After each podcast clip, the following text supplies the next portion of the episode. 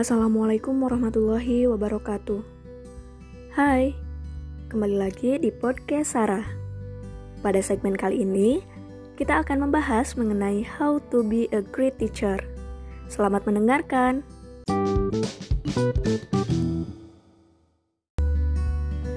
Guru merupakan profesi yang mulia, di mana seorang guru mengajarkan begitu banyak orang yang tadinya tidak tahu menjadi tahu yang tadinya tidak bisa menjadi bisa, dan yang tadinya tidak pandai membaca jadi pandai membaca. Oleh karena itu, sudah sepantasnya guru mendapatkan label sebagai pahlawan tanpa tanda jasa. Sosok guru hendaknya menjadi panutan bagi seluruh muridnya, baik buruknya perilaku dan juga ucapan menjadi cerminan bagi sang murid. Berkaitan dengan itu, Pernahkah kita merenung dan juga berintrospeksi diri? Apakah saya sudah menjadi guru ideal yang dapat menjadi panutan murid-murid? Atau bagaimana sih caranya menjadi seorang guru yang baik?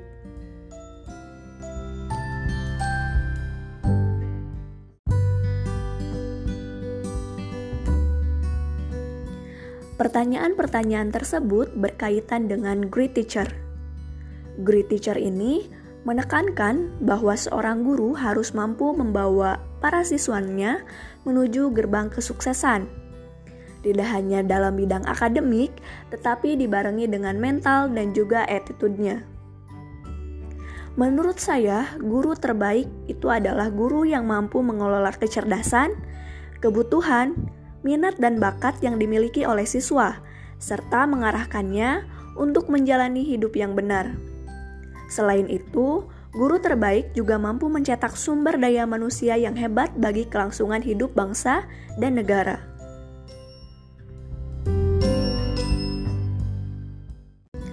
Ada tiga prinsip dasar yang penting untuk diyakini oleh seorang great teacher. Pertama, guru harus berkeyakinan bahwa setiap siswa adalah cerdas. Tidak ada siswa yang bodoh, dia hanya belum menemukan guru yang pas dengan metode pembelajaran yang sesuai. Yang kedua, guru harus meyakini bahwa setiap siswa memiliki tombol yang jika disentuh dengan cara dan waktu yang tepat, maka akan melejitkan kejeniusan yang ada di dalam dirinya. Dan yang ketiga, guru harus merasa bangga dan meyakini bahwa profesi sebagai guru merupakan pekerjaan yang paling kaya sebab setiap hari mendapatkan passive income atau keuntungan pasif yang tidak terputus dunia dan juga akhirat. Kemudian ada tiga kunci utama yang harus dipersiapkan guru untuk menjadi seorang great teacher. Yang pertama, meningkatkan motivasi. Beberapa aspek yang perlu dipahami dalam meningkatkan motivasi seorang guru adalah sebagai berikut mencintai pekerjaan, terus belajar, memiliki nilai spiritual dalam mengajar yang menghadirkan peserta didik dalam setiap doa dan juga mengajar dengan hati. Yang kedua, kapasitas pengetahuan. Dalam hal ini, guru dituntut untuk memiliki kemampuan untuk menjelajahi kemampuan siswa dan memahami cara kerja otak dalam menyerap informasi. Yang ketiga, Kunci menjadi seorang great teacher adalah memiliki keterampilan.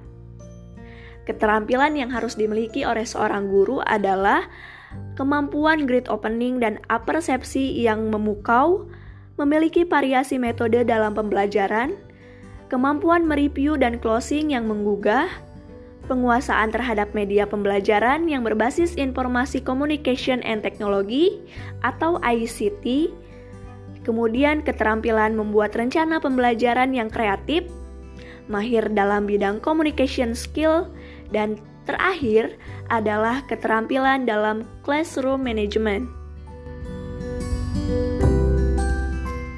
Pelajaran yang efektif yang perlu dilakukan oleh seorang great teacher adalah guru harus mampu melaksanakan opening pembelajaran dengan memukau, Sebab pada saat opening merupakan kondisi di mana siswa masih sangat antusias dan juga semangat.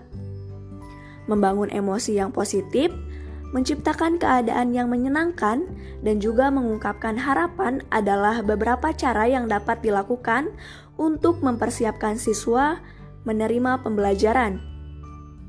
Kemudian, agar proses pembelajaran tidak monoton dan membosankan, maka seorang great teacher harus menguasai variasi metode pembelajaran. Sebaiknya, metode pengajaran yang digunakan dapat mendorong timbulnya motivasi, kreativitas, serta inisiatif peserta didik untuk berinovasi, berimajinasi, berinspirasi, dan berapresiasi. Adapun metode yang dapat digunakan dalam proses pembelajaran harus mengacu pada proses pembelajaran yang aktif dan fun learning. Setelah proses pembelajaran berjalan aktif dan menyenangkan, langkah selanjutnya adalah seorang great teacher harus mampu melakukan review dan juga kalibrasi dalam pembelajaran di mana review bertujuan untuk mengajak siswa mengingat materi yang telah disampaikan serta memastikan siswa paham dengan materi yang telah diberikan. Hal lain yang tak kalah penting yang mesti dipersiapkan oleh seorang great teacher adalah rencana pelaksanaan pembelajaran. RPP ini merupakan perencanaan pembelajaran yang digunakan guru sebagai acuan dan pedoman dalam mengajar di dalam kelas. RPP ini merupakan alat utama yang harus dipersiapkan agar dapat melaksanakan proses pembelajaran yang efektif. perbedaan antara strategi, metode, teknik, dan juga model pembelajaran. Menurut Jonit pada tahun 1991, pendekatan merupakan cara umum dalam memandang permasalahan atau objek kajian. Sedangkan strategi pembelajaran merupakan cara yang akan dipilih dan digunakan oleh seorang pengajar untuk menyampaikan materi pembelajaran agar dapat memudahkan pemahaman peserta didik.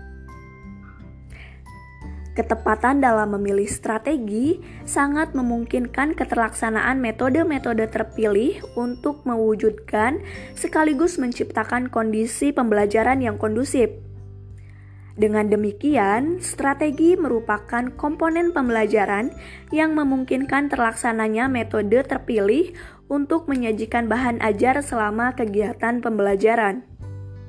Sedangkan berdasarkan pernyataan Vervical et al. pada tahun 1984 menyatakan bahwa metode adalah cara yang umum untuk menyampaikan pembelajaran kepada peserta didik atau mempraktikkan teori yang telah dipelajari dalam rangka mencapai tujuan pembelajaran. Jadi, metode ini berhubungan dengan cara yang memungkinkan peserta didik dalam memperoleh kemudahan dalam rangka mempelajari bahan ajar yang disampaikan oleh guru.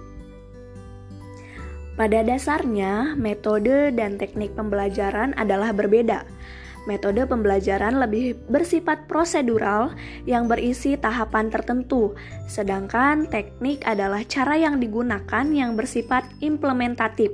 Dengan perkataan lain, metode yang dipilih oleh masing-masing itu adalah sama, tetapi mereka menggunakan teknik yang berbeda. Sedangkan strategi dapat diartikan sebagai rencana kegiatan untuk mencapai sesuatu, sedangkan metode ialah cara untuk mencapai sesuatu. Oleh karena itu, dalam melaksanakan suatu strategi digunakan seperangkat metode pengajaran tertentu. Sedangkan model pembelajaran adalah seluruh rangkaian penyajian materi yang meliputi segala aspek sebelum dan sedang dan sesudah pembelajaran yang dilakukan oleh guru serta segala fasilitas yang terkait dengan e, digunakan secara langsung atau tidak langsung dalam proses belajar mengajar.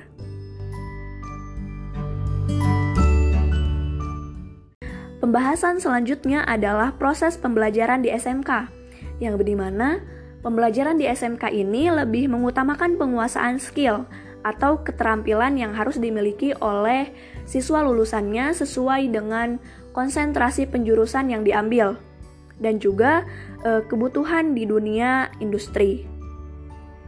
Pembelajaran di SMK ini selalu menyesuaikan dengan kebutuhan industri karena e, memang tujuan SMK adalah untuk mendidik siswanya supaya memiliki keterampilan sesuai dengan jurusan yang diperuntukkan bekerja di industri. Lalu bagaimana model pembelajaran yang harus diterapkan di SMK? Nah, berdasarkan pada modul pelatihan dan pendampingan implementasi kurikulum 2013, Sekolah Menengah Kejuruan pada materi analisis penerapan model pembelajaran dari Direktorat Pembinaan Sekolah Menengah Kejuruan, Direktorat Jenderal Pendidikan Dasar dan Menengah, Kementerian Pendidikan dan Kebudayaan tahun 2018 guna memperkuat pendekatan saintifik pendekatan rekayasa dan teknologi, serta mendorong kemampuan peserta didik untuk menghasilkan karya yang nyata, baik individual ataupun kelompok.